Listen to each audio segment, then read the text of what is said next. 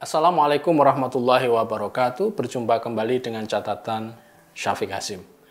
Keinginan sebagian besar umat Islam di Indonesia agar Indonesia menjadi juru runding untuk urusan damai adalah perkara yang luhur. Saya kira keinginan seperti itu harus kita dukung dan pantas bagi Indonesia sebagai negeri berpenduduk muslim terbesar. Namun keinginan itu mungkin tidak sederhana untuk diwujudkan. Untuk meyakinkan pihak lain bercermin pada kita, maka kita harus menjadi cermin yang bening dan bersih. Katakanlah ketika kita ingin menjadi juru runding dan pelopor damai di negeri-negeri muslim lain yang konflik, kita sadari dari awal juga harus menghitung apa yang kita jadikan sebagai bahan kita agar pihak lain yang berkonflik atau berperang percaya bahwa kita mampu menjadi teladan yang baik bagi mereka. Selama ini kita umat Islam di Indonesia selalu merasa bahwa keberhasilan Indonesia sebagai negeri muslim terbesar bisa ditularkan kepada pihak lain, terutama pihak yang sedang berkonflik. Kita merasa bahwa toleransi, kerukunan umat beragama, kehidupan yang harmoni, yang dicapai di negeri kita bisa kita ekspor ke negeri lain yang sedang dirundung konflik dan perang antar saudara, antar etnis, dan antar pemeluk agama. Kita juga merasa yakin bahwa kedamaian umat Islam dan umat-umat beragama yang selama ini kita klaim sudah mapan di Indonesia bisa dijadikan sebagai model kedamaian bagi negeri lain. Kerelaan Indonesia sebagai negeri berpenduduk muslim terbesar yang tidak menggunakan sistem politik Islam atau syariah juga sering kita dengung-dengungkan sebagai kekecualian Indonesia. Di sini sistem negara Pancasila menjadi sistem ideologi yang dibicarakan oleh negara-negara lain. Banyak negeri yang memberikan pujian pada ideologi Pancasila karena kemampuan ideologi ini secara historis menjadi perekat seluruh warga Indonesia untuk menjadi warga Indonesia. Masih banyak hal lain yang sering dijadikan alasan mengapa layak bagi kita untuk memimpikan negeri kita menjadi juru damai bagi negeri-negeri lain, terutama negeri Muslim yang bertikai. Namun, apakah modal itu cukup? Jika hal-hal yang ideal di atas berjalan dan bisa kita jalankan, maka pengalaman Indonesia dalam mengelola diversitas agama, keyakinan, dan suku memang layak menjadi model Indonesia pernah diminta untuk memediasi konflik Mindanao, konflik yang terjadi antara kelompok Muslim dan pemerintah Filipina. Indonesia juga pernah diminta menjadi mediasi di negeri-negeri lainnya. Untuk Afghanistan, sebagai misal, Indonesia ikut berperan aktif dalam menjembatani urusan damai sejak lama. Keterlibatan Indonesia tidak hanya diwakili oleh pihak penguasa atau pemerintah, namun juga oleh pihak masyarakat yang diwakili terutama oleh Nahdlatul Ulama, Muhammadiyah, dan juga Majelis Ulama Indonesia. Dialog-dialog antar ulama dilakukan oleh kedua negara. Bahkan Nahdlatul Ulama memiliki cabang istimewa di Afghanistan.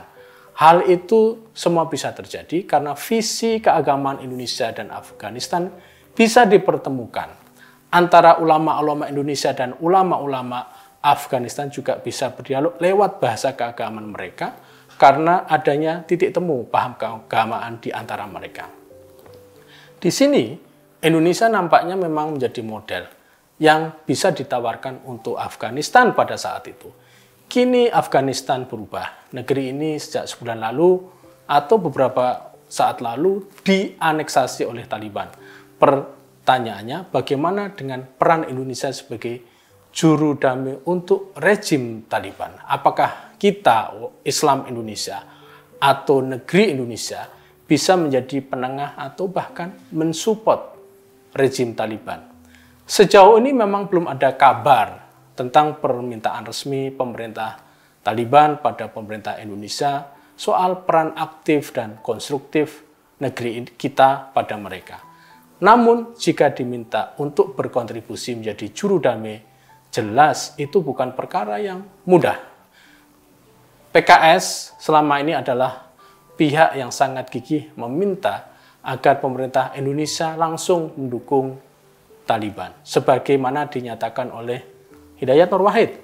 Baginya mendukung Taliban adalah pilihan rasional Indonesia. Hidayat Nur Wahid juga mengatakan jika Taliban kini akan menjadi Taliban yang lebih moderat. Taliban bukan ISIS dan juga bukan Wahabi. Pernyataan ini dimunculkan pada masa awal-awal Taliban merangsek Afghanistan. Baru berjalan kira-kira sebulan dua bulan ini, kini pemerintah Taliban setelah mengumumkan kabinet resminya sudah banyak melakukan perubahan kebijakan yang mencerminkan karakteristik asli dari mereka. Di awal-awal kekuasaannya, Taliban memang mengatakan akan menghormati instrumen internasional atau perjanjian-perjanjian internasional. Perempuan juga akan diberi hak selama mengikuti syariah. Namun lambat laun Taliban menampakkan wataknya yang asli. Kelompok-kelompok yang melawan Taliban dan ajaran keagamaan yang dibawanya mulai terancam. Kaum perempuan yang dijanjikan memiliki hak mereka di ruang publik, janji itu mulai tidak dipenuhi. Kaum Taliban mulai memperkenalkan konsep mereka tentang pemerintahan syariah menurut mereka. Menteri Pendidikan berlatar belakang Taliban mengatakan jika perempuan boleh belajar namun tidak bisa dilakukan bersama-sama dengan kaum laki-laki. Bahkan ulama Taliban yang lebih konservatif mengatakan jika perempuan sama sekali tidak boleh ikut dalam pendidikan dan juga tidak boleh kerja. Hal ini pernah dilaksanakan Taliban pada tahun 1996 sampai tahun 2001 ketika mereka berkuasa di Afghanistan. Taliban kini mengusulkan kurikulum yang diajarkan untuk kaum perempuan harus diubah, harus disesuaikan dengan syariah. Sekali lagi, menurut versi mereka.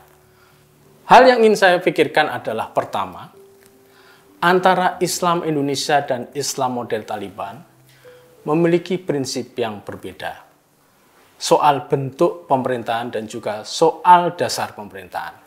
Di sini Indonesia mau tidak mau akan mentolerir mereka sebab urusan pemerintah menjadi hak mereka. Meskipun sistem yang mereka terapkan mengorbankan banyak nasib kaum perempuan. Kedua, karena perbedaan di atas maka dikhawatirkan Indonesia tidak bisa berbuat apa-apa, terutama untuk menekankan penghormatan pada hak-hak asasi manusia, terutama hak asasi kaum minoritas dan juga kaum perempuan ketika Indonesia juga dikhawatirkan akan menjadi negeri yang friendly pada rezim Taliban. Kita tahu bahwa Taliban memang fenomena tahun 90-an, namun cara pandang Taliban tentang politik memiliki kesamaan dengan cara pandang kaum jihadis alumni Afghanistan yang ada di Indonesia. Keempat, keterlibatan Indonesia pada Taliban dikhawatirkan membuka inspirasi baru untuk berjihad bagi kelompok-kelompok jihadis di Indonesia. Sebagai catatan, saya ingin mengatakan di sini, jika keterlibatan Indonesia tidak bisa mempengaruhi Taliban untuk penghormatan pada hak asasi manusia, maka sebaiknya kita tidak usah terlibat. Atau lebih baik diam pada persoalan Taliban. Lebih baik lagi apabila kita mensupport rakyat Afghanistan yang menjadi korban pemerintahan Taliban, terutama kaum perempuan, anak-anak, dan kelompok-kelompok marginal kita tidak bisa mengatasnamakan solidaritas keumatan global untuk masalah ini karena solidaritas keumatan diyakini Indonesia diikatkan oleh tujuan-tujuan universal Islam yakni menjaga nyawa, menjaga keyakinan, menjaga nalar, menjaga kekayaan dan juga menjaga keturunan. Demikian wassalamualaikum warahmatullahi wabarakatuh.